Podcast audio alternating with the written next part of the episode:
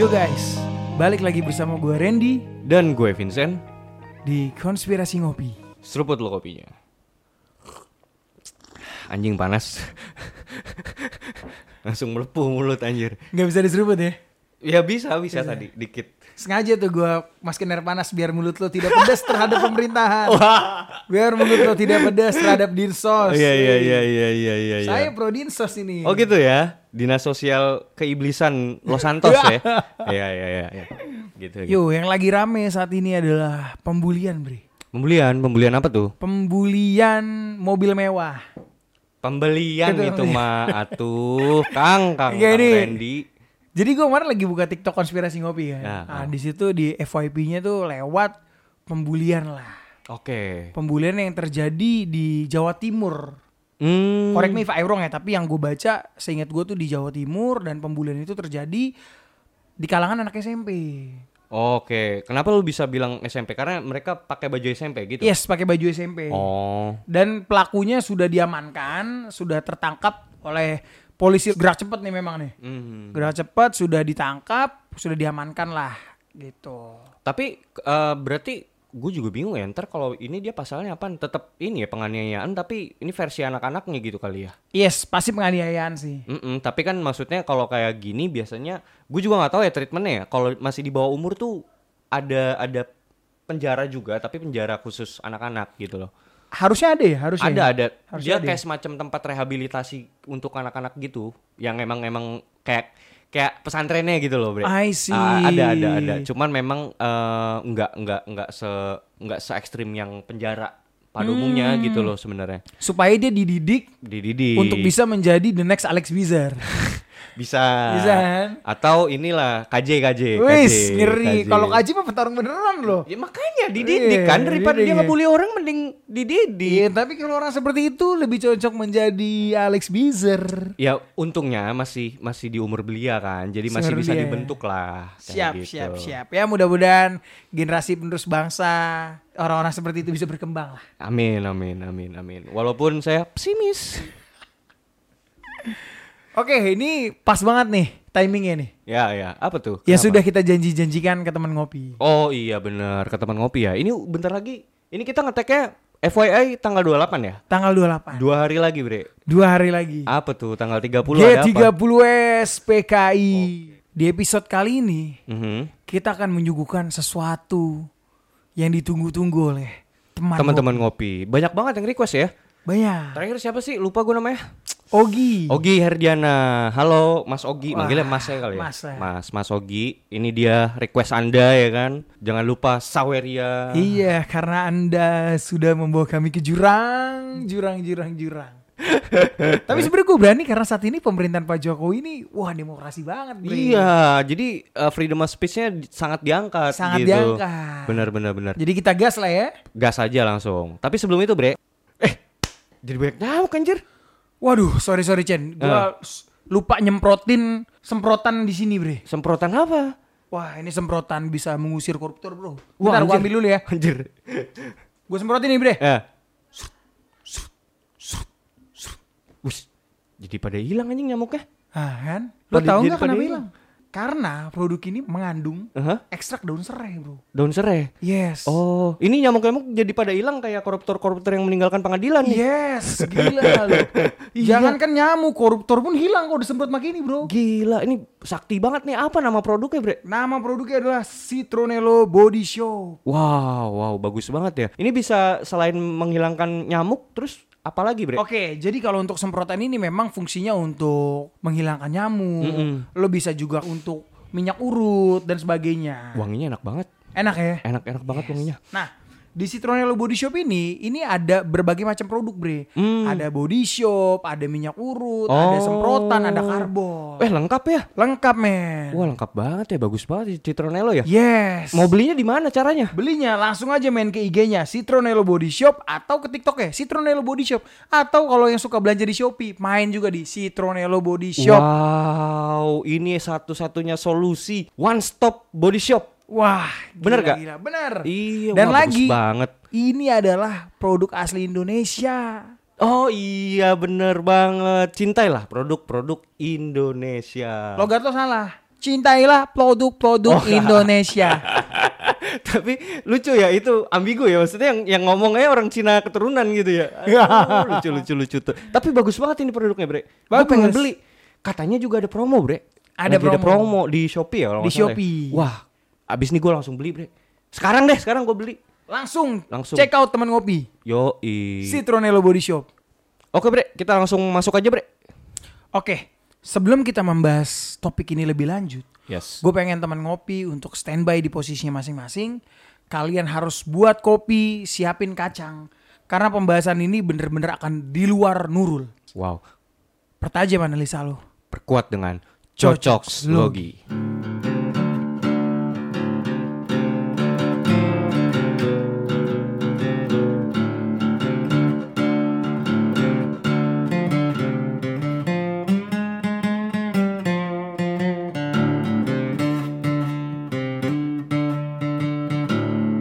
Oke, buat teman-teman ngopi, untuk episode G30 SPK ini, mungkin kita akan membahasnya dengan beberapa sudut pandang berbeda Hmm, yang diajarkan oleh buku sejarah kita. I see, baik baik baik. Tapi ini referensinya ada ya. Jadi Referensinya ntar kita ada. kita bisa taruh ya. Yes. Jadi kita bukan ngomong bullshit nih. Ini kan bener-bener ada Bener. eh, referensinya gitu. Yes. Dan satu lagi sih Bre yang gue minta sih buat teman-teman ngopi ya dan, dan gue percaya maksudnya dari ribuan subscriber kita anjay. Anjay. Dari ribuan subscriber Sombong dikit kita. boleh ya?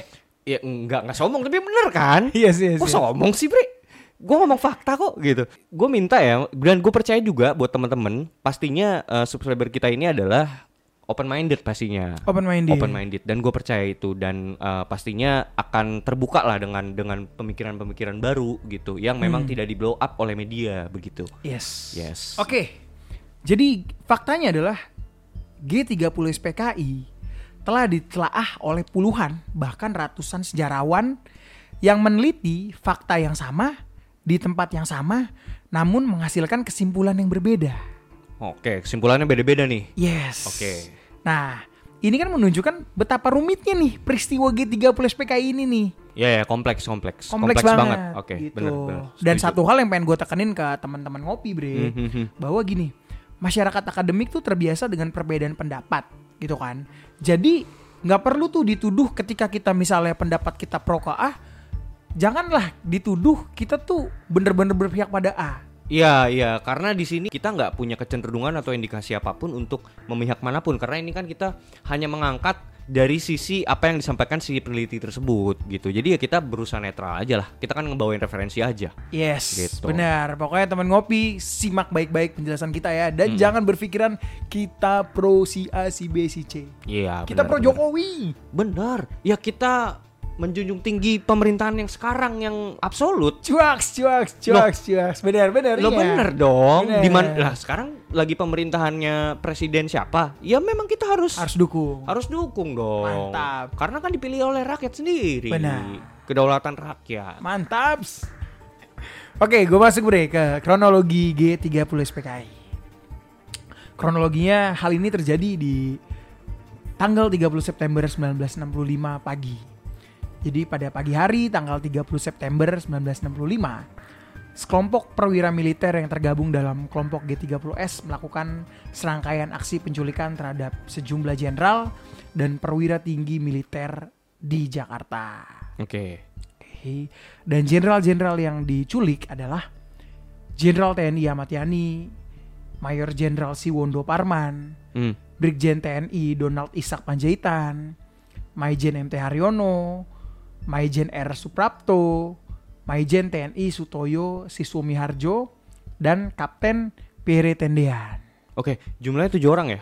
Ada tujuh orang, Bre. Itu yang monumennya di Lubang Buaya bukan sih? Bener. Tujuh pahlawan revolusi ya kan dibilangnya kan? Yes, yang deket sekolah. Iya iya tapi bener. Jadi kalau gua bre, nih ini intermezzo ya. Jadi Yes. kalau gua kalau misal cabut nih dari sekolah, deket bre, itu tuh gua nggak perlu bayar. Oh, serius loh? Iya, jadi itu perbatasan tembok sekolah gua itu langsung perbatasan sama ini eh, monumen pahlawan revolusi itu. Oh, alah. Jadi ada ada jalan kampungnya. di jalan kampungnya. Iya, gue biasa kayak gitu. Lu berarti kalau cabut ke situ lu merenungin pahlawan-pahlawan ya. Bener. Di situ saya meratap, saya menangis. Ini baru gue demen nih. Lu nggak apa-apa cabut bre kalau lu meratap seperti itu bre. Iya kan berarti Iya. gua itu melakukan praktek tuh. Yes. Gue tidak hanya belajar doang Hmm, teori gini. sejarah, tapi gue juga tetap meratapi dan merenungi. Gila, siap-siap nih anak muda coblos Sphinx nih. Yoi, kita tuh nasionalis. Nasionalis. Bajingan. Oke, gue lanjut ya. Nah, setelah kejadian penculikan itu, Bre, di 30 September malamnya, di tengah ketegangan yang meningkat, Jenderal Soeharto muncul sebagai pemimpin pemberontakan terhadap G30S. Hmm. Nah, pembersihan dan tindakan balas dendam di bawah kepemimpinan Jenderal Soeharto, pasukan militer mulai memberantas kelompok G30S dan PKI. Kudeta G30S dipandang sebagai ancaman serius terhadap stabilitas negara. Hmm. Nah, terjadi juga pembersihan massal yaitu Operasi Trisula pada bulan Oktober dan November 1965 di seluruh Indonesia dengan ribuan atau mungkin puluhan dan ratusan ribu orang terlibat dalam G30S dan dianggap sebagai musuh negara. Dan setelahnya kita tahu bahwa terjadinya masa Orde Baru. Oke, Orde Baru berlaku setelah itu ya. Yes. Oke, oke, ini oke. kronologi singkat dari peristiwa G30S. Kenapa sih gua nggak ceritain secara detail karena mungkin teman-teman ngopi juga udah pada Udah- tahu udah nih. pada tahu lah, Udah jelas. nonton filmnya segala Iya, macem gitu benar, kan. benar. Dan dan udah umum lah ditemukan di artikel-artikel berita apa pun lah kalian Yes. bisa bisa nyari sendiri. Dan sekarang yang paling menarik adalah kita bahas siapa sih dalang dibalik peristiwa G30S. Oke. Bre, jadi tau nggak lo Bre? Hmm. Ini tuh ada beberapa peneliti yang menghasilkan hipotesis yang mengatakan bahwa ternyata dalangnya PKI ini adalah Inggris. Hah? Iya, Inggris? Inggris, Inggris dan Amerika spesifiknya. Iya. Nah ini coba gue jabarin ya, gue ceritain Yes, kenapa kenapa bisa hipotesis ini muncul. Jadi dikatakan bahwa Inggris dan Amerika ketika itu dan negara Barat sebelumnya menyetujui kemerdekaan Indonesia karena Indonesia itu berjuang melawan komunis katanya. yes. Namun seiring berjalannya waktu, Indonesia makin dekat dengan komunis, khususnya setelah Bung Hatta resmi keluar dari pemerintahan di tahun 1956. Oke. Gitu. Oh emang si Bung Hatta itu kan keluar dia dari pemerintahan kan, khususnya setelah dibentuknya DPR deh kalau gua kalau gua nggak salah ya. Ya, ya, Correct ya, ya. if I'm wrong, tapi setelah dibentuknya DPR segala macam akhirnya Bung, Bung Hatta tuh keluar. Kenapa sih Bung Hatta keluar? Karena memang dia nggak kuat bro dengan kepemimpinan Soekarno lah. Soekarno dianggap Hatta tuh terlalu otoriter Oke. dan oke. egosentris. Oke oke, yang which is sebenarnya di sisi pandang kita es ya wajar sih, Wajar wajar. wajar ya Wajar. maksudnya ya gitulah. Tapi pada pada dasarnya sih yang kalau gue lihat Bung Hatta ini memang sangat nasionalis dan sangat demokratis. Yes. Kalau dari sisi paham gue bisa melihat itu ya. Bung Karno sendiri, Pak Soekarno sendiri memang terkenal dengan paham kirinya gitu. Bener jadi, banget. jadi jadi jadi memang se- sebenarnya seimbang ya, bagus banget ya. Mm-mm. Bung Hatta sama Bung Karno emang seimbang bagus gitu. balance makanya kan Balance. apa sebelum Bung Hatta keluar tuh pemerintahannya tuh should be fine. Ya ya ya ya ya, tapi pada akhirnya beliau memutuskan cabut gitu kan. Yes. Jadi lebih condong ke kiri gitu. Lebih condong ke Aidit. Oke. Nah, jadi dikatakan bahwa Inggris dan Amerika tuh sangat antusias ternyata untuk menggulingkan pemerintahan Soekarno. Makanya dari itu kan terkenal eh, Presiden Soekarno ini juga sangat anti barat. Anti Barat. I see, gue inget jadi tuh. Apa? Kus Plus di penjara sama Bung Karno. Ya, Iya, gara-gara dia dan- berdandan seperti Beatles, Iya, Jo. bernyanyi seperti Beatles, Dan bahkan sampai ke akar-akarnya. Tahu sampai rootnya. Rootnya kan ketika itu dikeluarkan juga kan keputusan Presiden Soekarno sebagai panglima tertinggi untuk memusnahkan Freemasonry di Indonesia kan. Dia ngeluarin keputusan presiden untuk melarang organisasi Freemason yang memang pada dasarnya kan mereka sangat menjunjung tinggi liberalisme Bener. gitu. Jadi ya kita udah bukan rahasia umum lagi kalau bahwa memang Presiden Soekarno ini mempunyai paham yang agak ke kiri. Yang which is nggak apa-apa. Nggak apa-apa. Ah, ya nggak apa-apa. Semua orang kan punya paham yang berbeda-beda. Benar, benar. Dan dan di mana ketika si kiri itu muncul, si kanan itu akan muncul juga sama seperti yang terjadi juga di eh, kalau di negara lain tuh ada di Kuba juga gitu, Bre. Iya. Ketika Fidel Castro muncul, di situ US melakukan intervensi masuk gitu kan. Ya karena memang pada dasarnya kan ini sebenarnya kalau bisa dibilang kiri lawan kanan aja. Jadi si Iya. kanan nggak mau lah ntar negara ini akan ke kiri-kirian gitu Perang ideologi lah. perang ideologi seperti itu. Oke lanjut. Em, Tetapi belakangan si Inggris tuh kayak jadi marah Karena si Amerika tuh terus menerus memberi bantuan ekonomi pada Indonesia. Nah terus si Inggris pada akhirnya memutuskan mengambil jalan sendiri Yaitu sebuah keputusan yang disambut positif kabinet Amerika Karena Amerika sedang fokus pada perang Vietnam. Nah terus em, dikatakan juga di situ seolah-olah tuh Pak Karno nih jadi seolah-olah kayak otoriter dan egosentris di di di mana dengan paham ke kiri kiriannya itu dia rada ke otoriteran lah gitu. Nah padahal saat itu Indonesia sedang mengalami krisis ekonomi. Hmm, Masalahnya di situ, bre. Masalahnya di situ. Masalahnya di situ. Maksud gua kalau mau kita bilang eh, pemimpin yang egosentris dan otoriter, Hitler juga. Soeharto juga.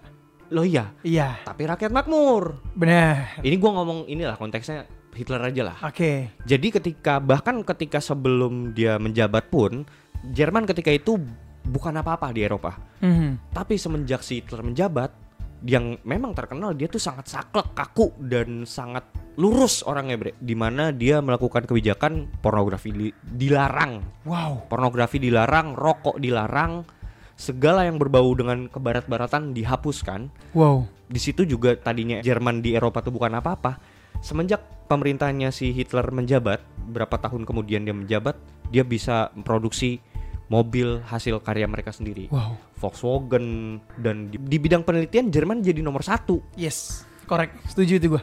di zaman Hitler. Karena apa? Ketika sebelum si Hitler menjabat, korupsi merajalela.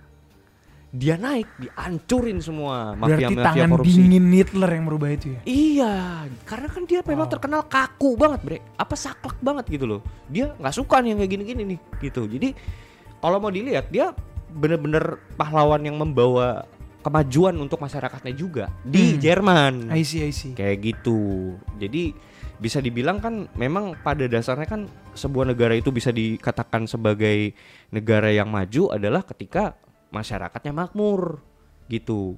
Yes. Nah, memang ini yang tidak terjadi ketika itu. Pada dasarnya di sejarahnya juga dikatakan bahwa saat itu tuh Indonesia mengalami krisis pada tahun 1956 sampai 1965, cukup lama ya. Iya. Kayak gitu. Dan puncaknya di tahun 1958 itu terjadi inflasi sampai dengan 600%. Wow, ini yang kita bahas di episode Soeharto tuh waktu itu. Yes, benar 600%. 600 loh. persen.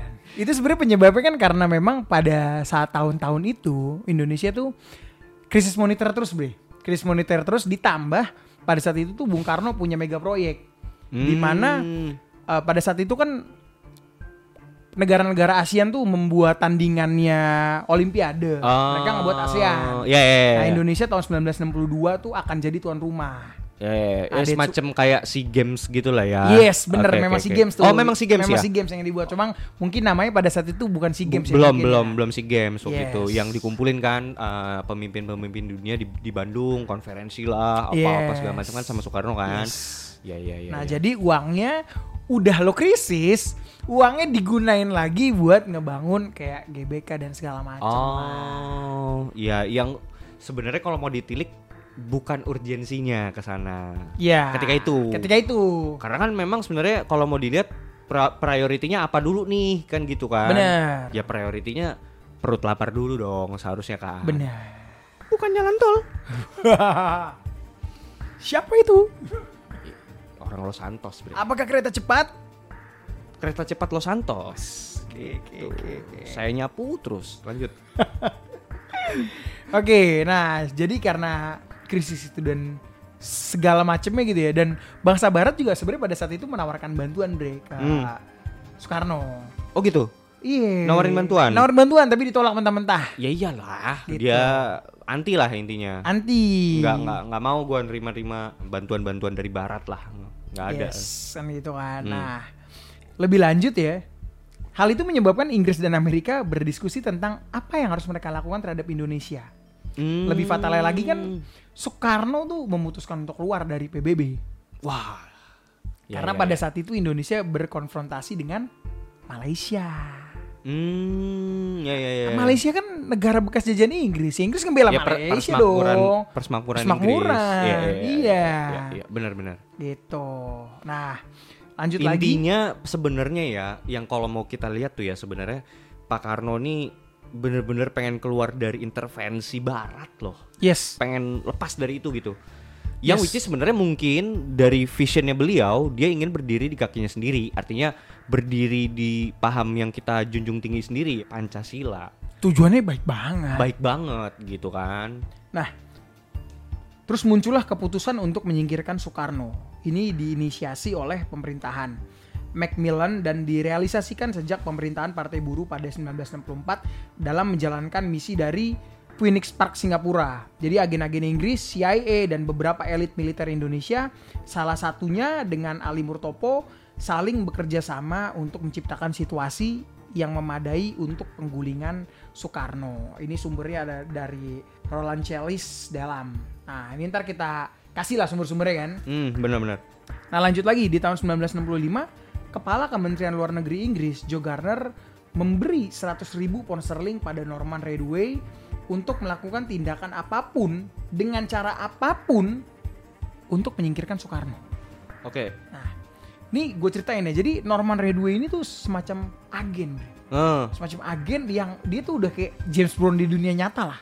CIA berarti dia ya. CIA. Oke, oke. gitu. Nah, Redway ini membuat propaganda sedemikian rupa agar Soekarno terisolisir dari seluruh pengaruh asing termasuk komunis dan membuat nama PKI disebut kejam.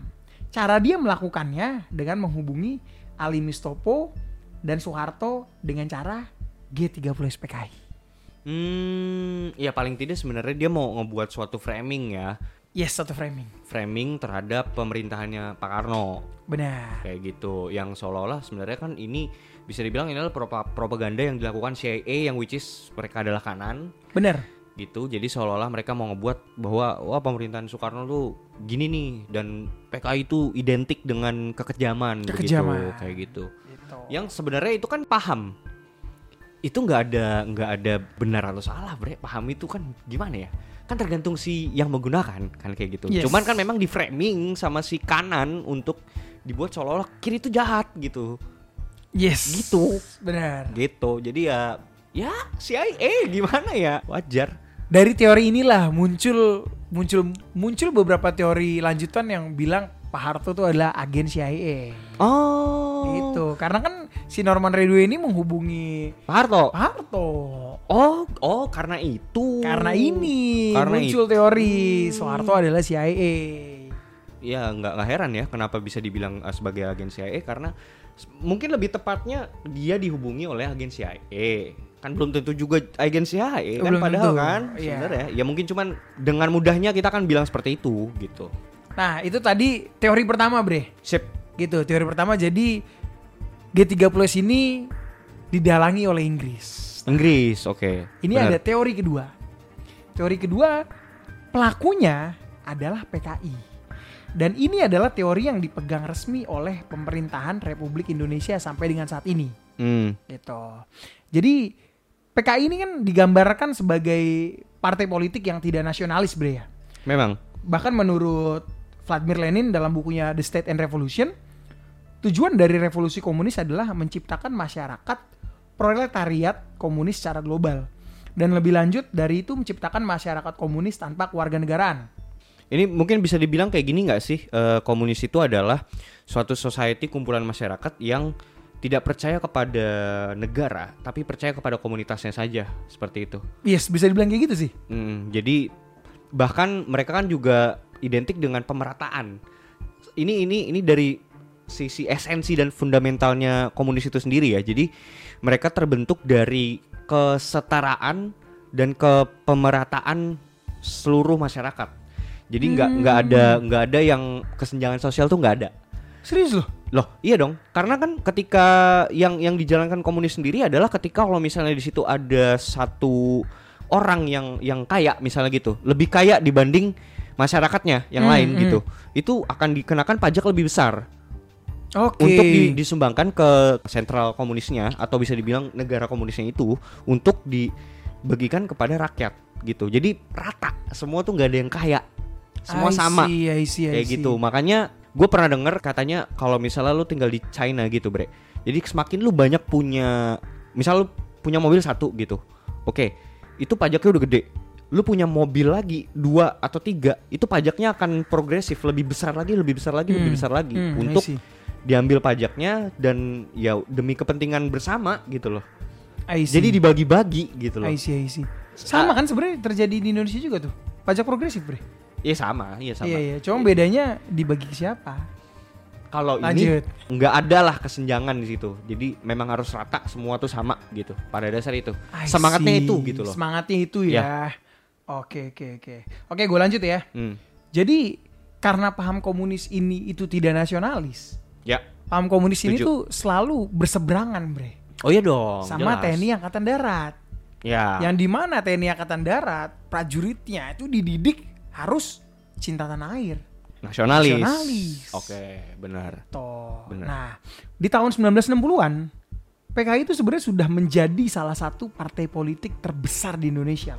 Ya, setuju. Nah, kala itu baik di akar rumput maupun dalam hubungan dekat dengan Presiden Soekarno. Iya, jelas, jelas. Yaitu siapa yang nggak tahu lah. Itu bukan rahasia umum lah. Iya. Ada PKI, ada Nasakom bahkan kan. Jadi eh, memang ya seperti yang tadi kita bilang bahwa presiden ini memang cenderung agak ke kiri Benar. gitu. Iya, iya. Gue lanjut lagi. Tapi si partai komunis ini tuh nggak punya senjata. Hmm. Karena mereka memang bukan partai politik gitu kan. Oke. Nah, that's why mereka tuh melakukan infiltrasi terhadap angkatan-angkatan militer di Indonesia. Seperti memasukkan orang-orang penting lah. Atau uh, mendoktrin orang-orang penting untuk ikut mereka. Seperti contohnya adalah uh, Syams Kamaruzaman yang berhasil mempengaruhi Letkol Untung yang kala itu menjadi pemimpin Cakrabirawa Hmm.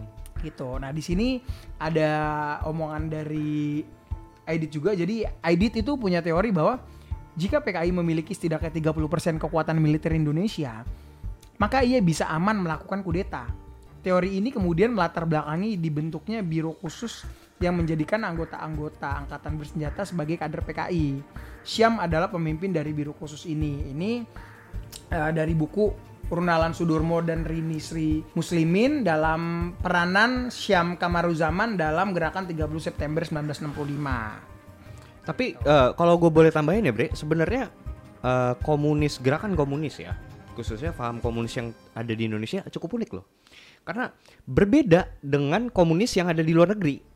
Berbeda dengan komunis yang ada di misalnya kayak di eh, China, kayak Korea gitu. Utara. Korea Utara atau Rusia gitu. Oke. Karena sekitar periode 1960-an ketika itu komunis yang ada di Indonesia itu sangat Pancasilais. Really? Lah, Nasakom nasionalis komunis. Oke. Nasakom. oke, Jadi walaupun komunis tapi nasionalis. Hmm, oke oke oke. Gitu. Tapi pada dasarnya kan memang terbentuk komunis ini kan dari paham Karl Marx kan. Mm-mm. Padahal si Karl Marx-nya sendiri akarnya tidak tidak percaya akan suatu negara atau nasionalis itu sendiri. Memang. Hmm. Tapi versi kita, versi Indonesia yang komunis yang Indonesia ketika itu itu sangat Pancasilais bahkan bahkan pendiri-pendiri komunis itu sendiri ketika itu banyak guru-guru besar Islam. Oke. Iya kan?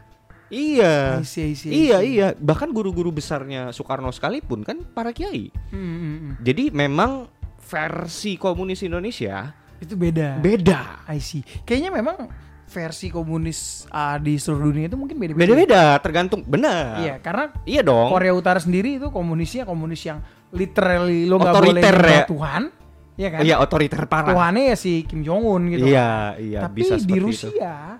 Nggak seperti itu. nggak seperti itu. Masyarakatnya Bahkan- banyak yang ke gereja. Benar. Sebenarnya tergantung di, di mana negara itu berada ya. Jadi ideologi, ideologi itu bisa diadopsi dan di, dimodifikasi demikian rupa sih. Tergantung budayanya seperti apa kan kayak gitu. Nah, gue lanjut ya. Eh, di tahun 1965, pada saat itu tuh ada berita yang menegangkan, Bre. Hmm. Jadi ada rumor yang beredar tuh terkait Soekarno ini sakit-sakitan dan bisa meninggal kapan aja. Tahun berapa itu? Tahun 1965 lah. Oke. Ya. Dan dari cerita itulah yang melatar belakangi si PKI ini bergerak. Buat? Si apa pasukan Cokrobirawa ini untuk nyulik-nyulik jenderal itu. Karena gini, karena ada dua resiko yang mereka miliki kalau memang Presiden Soekarno ini lengser gitu ya, karena sakit atau karena Ya, ya, ya, ya. meninggal gitu Intinya kan. intinya lengser gitu. Ya, jadi yang pertama adalah kalau Soekarno runtuh, PKI mungkin saja dilibas gitu kan. Karena pada saat itu yang Ya. ngebackingin PKI paling kuat ya Presiden langsung. Presiden dan langsung sebagai panglima tertinggi ketika itu. Yes, Ya, karena ya. kan si apa PKI ini kan clash terus sama angkatan darat. ya benar. Sedangkan angkatan benar. darat punya segalanya. Iya, benar. gitu benar, kan. benar. Dan yang kedua adalah ini yang menurut PKI itu paling buruk. Jadi para jenderal-jenderal akan mengambil alih pimpinan negara Indonesia. Kemudian akan menghabisi PKI. Maka daripada itu, PKI terlebih dahulu melakukan penculikan terhadap Dewan Jenderal. Hmm, I see, Gitu. I see, I see. Takut ya, takut di apa otonomi kenegaraan tuh dipegang sama yang dalam tanda kutip ke kanan-kananan.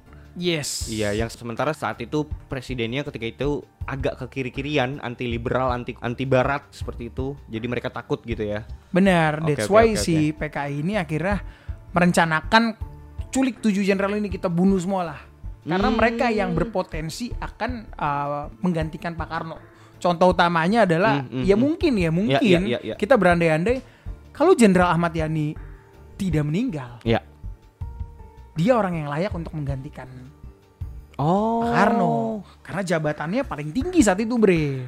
secara birokrasi atau hierarki mungkin ya. Jadi memang yang yang seharusnya menjabat setelah itu adalah jenderal tertinggi ya. Seperti Yes, itu. benar. Kayak gitu ya. Hmm. Si Jenderal Ahmad Yani. Jenderal Ahmad Yani. Berarti harusnya harusnya ya kalau skenario nya demikian berarti kalau misalnya beliau masih hidup menggantikan Pak Karno jadi presiden selanjutnya seperti Benar. itu maksudnya. Oh, Benar.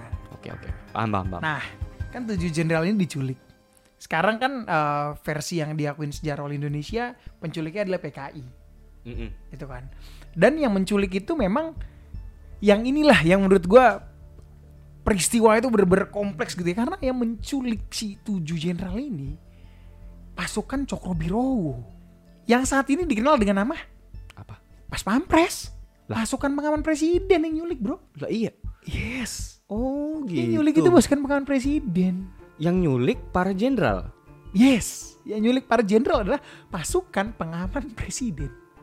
Oh, iya. Gila. Rumit ya. Rumit makanya. agak Makanya ini bener-bener ya. rumit dan kompleks. Kan gini, yang nyulik itu adalah pas pampres. Dan Iya, pada iya, saat iya, itu iya. sudah banyak yang tertangkap dan dibunuh. Sorry sorry. I- ini pas pampres ketika itu belum terbentuk atau Sudah terbentuk. Memang dia pasukannya Soekarno. Oh pasukan pengamannya Soekarno. Pasukan pengamannya Soekarno. Yes. Ya dan ketika itu mungkin namanya belum pas pampres ya. Cokrobirowo. Iya, Namanya, iya, iya. Ini Lalu bertransformasi kemudian jadi pas pampres. Pas pampres. itu. Oh. Jadi memang melakukan penculikan itu adalah pas pampres. Nah, ketua pas pampresnya pada saat itu adalah si Letkol Untung. Hmm. Wah ribet ini runyam ini. Iya iya iya iya.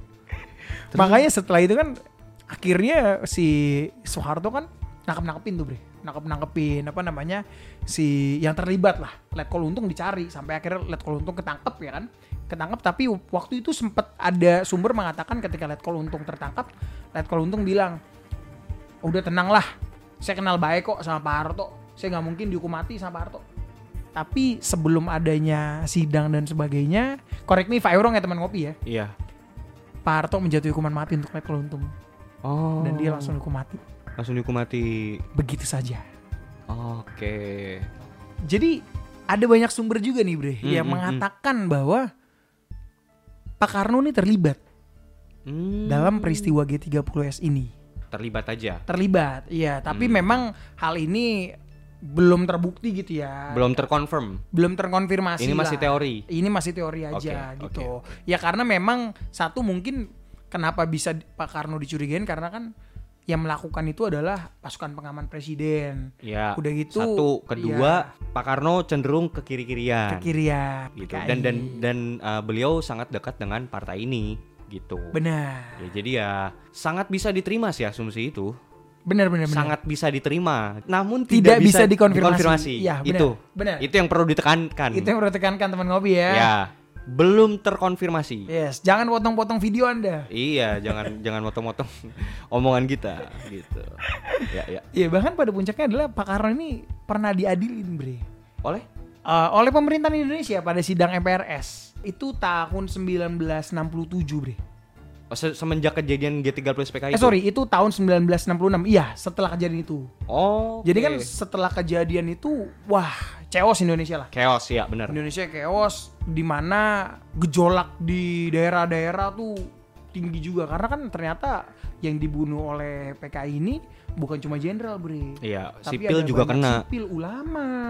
Oke. Dibunuh-bunuhin, makanya kebencian akan PKI itu luar biasa tingginya kan. Karena memang intensinya PKI ini kan memang udah menjurus bukan menjurus lagi, emang mau kudeta. mau kudeta. Jadi memang membasmi orang-orang penting lah intinya. Bener. Yang yang dirasa penting. yang pro pemerintah. Yes, kayak gitu. Jadi ya ya sebenarnya kan kalau kita mau lihat ya kan kayak kita main catur kan kita makan-makanin dulu yang penting kan. Bener. Iya dong. Bener, bener. Biar biar gampang kan buat Yes. makan raja kan. Correct. Iya kan? Yes. Iya. Nah saat Indonesia tuh chaos segala macem, Pak Harto bilang ke Pak Karno melalui surat, Pak, udah biar gua aja yang beresin semua.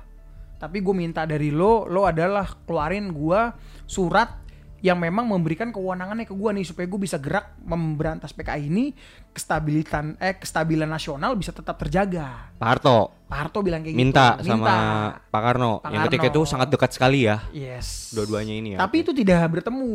Itu Oke. via surat aja lah ibaratnya. Sampai akhirnya Pak Karno menerbitkan ini surat yang sangat amat kontroversial, ya. kontroversial. Surat Super Semar lah. Oke. Setelah Surat perintah 11 Maret untuk untuk mengambil alih eh, pemerintahan Indonesia sebenarnya. Jadi kayak segala macam hal yang terjadi di Indonesia tuh baik eh, politik atau apa diserahin ke Pak Harto. Jadi Pak Harto yang ambil alih itu dalam rangka kestabi menjaga kestabil kestabilan nasional. Dalam rangka membasmi si PKI ini kan. Iya. Seolah-olah itu adalah su- sebuah surat mandat untuk pokoknya ini bantu dulu deh eh, untuk handle ini dulu deh gitu. handle ini dulu. Oke, Benar. siap, siap, siap. Ya, nah mungkin kalau teman ngopi ada yang pernah nemuin Surat ini surat Super Semar yang asli gitu ya, Ah, mungkin boleh boleh share ke kita ya. kita gitu Wah, kan. itu menarik banget sih kita. Buat bagi-bagi referensi lah. Benar benar benar Gitu kan. buat kita juga mau ngeliat oh ini toh gitu. Benar. Gitu. Ya oke oke oke. Nah, setelah itu ya kurang lebih dalam jangka waktu bulan tahun ya Pak Harto akhirnya bergerak tuh. Hmm. Habis PKI memang ber dan kestabilan nasional terjaga. Tapi pada saat itu kepercayaan publik bahkan kepercayaan pemerintahan itu lebih ke arah Soeharto. Hmm. Gitu, sampai- oh langsung di sweeping nih sama beliau nih. Langsung dihabisin. Dihabisin, Bro. Kayak nyamuk-nyamuk kena citronelo nih. Citronello. Oh gitu. Sama ya kayak citronelo ya. Sama. Bagus banget produknya itu. Wish. Bisa menghapus nyamuk-nyamuk seperti PKI yang terhapuskan. Cintailah produk-produk Indonesia. Betul sekali. Itu, bro. Nasionalis ini produk Nasionalis. nasionalis nih. Jadi teman-teman ngopi wajib beli ini kalau kalian ngaku nasionalis. Citronello Body Show. Yo, mampir ke Instagramnya. Nah, jadi bahkan Pak Karno pun sampai pernah diadilin, Bre. Hmm. Sampai pernah diadilin itu pada 22 Juni 1966 dalam sidang umum 4 Majelis Permusyawaratan Rakyat Sementara MPRS uh, terkait Pak Karno ini pada saat G30S sedang apa dan di mana gitu Oke, loh. mau diselidiki lah. Ya. Oke. Dan memang Pak Karno pada saat itu uh, membuat suatu pidato Mau pidato? yang berjudul Nawaksara. Oke, isinya apa tuh? Nah, Nawaksara itu isinya tuh sebenarnya tidak menjawab lah, tidak menjawab pertanyaan yang ditanya MPRS Oke, gitu. oke. Sampai akhirnya MPRS tidak tidak puas lah. Tidak puas. Tidak puas dan ya Pak Kalau boleh tahu apa sih isinya? Tentang apa sih? tentang kemasyarakatan aja gitu. Oh, oh, iya. Jadi iya, kayak oke. tentang tugas presiden gitu. Oke, oke, oke, Jadi oke. lu ditanya A, jawabnya B, misalnya gitulah. Ya, ya, ya, ya, oke, oke. Paham, paham, paham. Gitu. Sampai akhirnya ya presiden kita Pak Soekarno menyampaikan nawaksaranya dan pertanggungjawaban dalam nawaksaranya ini ditolak, Ditolak oleh oleh MPRS, ya Pak Karno akhirnya diberhentikan Oleh MPRS sendiri. oleh MPRS sendiri. Yang which is punya wewenang ya. yes. Oh. yang which is gitu. salah satu ketuanya pada saat itu adalah Pak Jenderal Nasution. Oh, gitu. Yang sorry, yang salah target. Salah target. Yang waktu itu sebenarnya penculikan harusnya terhadap Jenderal Nasution ini. Iya. Tapi malah yang kena si si Pierre Tendean itu. Oke. Sama anaknya si Nasution kan meninggal tuh yang kecil tuh.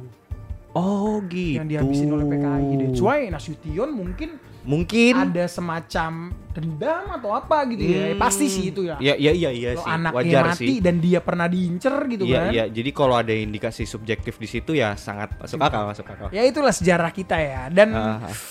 Banyak orang masih berspekulasi bilang katanya eh ini gue pernah nonton di YouTube gitu ya, tapi Hmm, gue hmm. lupa dari channel apa gitu. Tapi di situ sempat dibilang ada yang berspekulasi bahwa memang Pak Karno itu yang order eh, si pasukan Cakabirawa ini.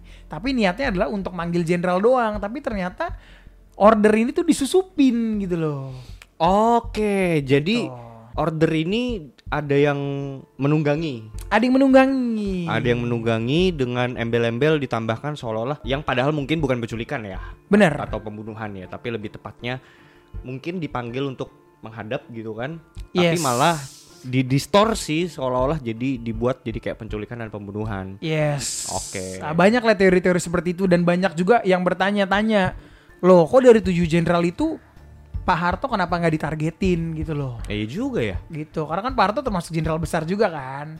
Nah jawabannya sih ada juga yang udah ngejawab dia bilang ya karena Pak Harto kan deket sama Pak Soekarno. Jadi gua ini Hmm. Ah, ini bener-bener kompleks sih. kompleks sih bre. Kompleks kompleks. Jadi gue cuma bisa ya kita lah ya kita cuma bisa memaparkan dua Yang- teori ini. Mm-mm, yang yang paling tidak ada referensinya lah jelas. Ada jadi, referensinya. Jadi kita juga nggak bisa. Eh tapi ada yang seru nih. apa tuh? Gue jadi inget video yang kemarin lo share. Apa tuh? Video Bu Ratna Sari Devi. Yang mana? Ratna Sari Oh, Devi. Iya iya iya. iya, iya, iya. yang Oh, iya. yang dia pada saat itu sedang diwawancarai oleh wartawan gitu kan. Bukan wartawan itu orang militer juga dia. Orang militer ya. Mhm. Eh tapi direkam kamera lah. Dia gimana? Coba cerita. Iya jadi video yang lo share itu ke gua Ah. gitu kan. Jadi di video itu Bu Ratna Sari Devi, Bu Ratna Sari Devi ini FYI teman-teman ya dia adalah istri terakhir dari Bung Karno gitu kan. Ya.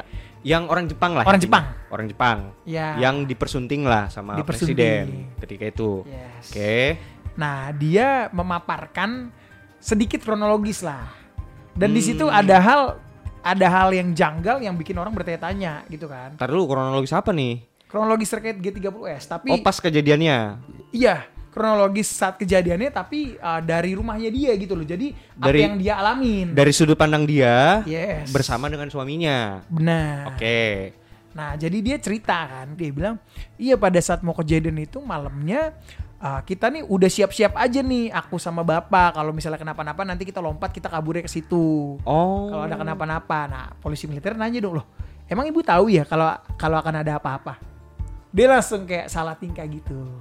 Oh keceplosan. Keceplosan. Keceplosan. Nggak tahu sih keceplosan cuman apa nggak tahu ya, ya, nggak tahu iya. keceplosan apanya nggak tahu. Tapi Iya. ya kalian bisa nonton videonya sendiri. Kita Kita lampirin ya? aja, kita lam- Lampirin ya? lampirin linknya Yes. di bawah. Dari gue sekian sih bre pembahasannya. Hmm, Gue gue udah itu aja sih. Ya paling satu hal sih yang ingin gue tekankan adalah bangsa yang besar adalah bangsa yang tidak melupakan sejarahnya. Seperti kata Pak Karno, Yes. jas merah. Bukan berarti mau ngikut-ngungkit. Konspirasi ngopi? Seruput lo kopinya.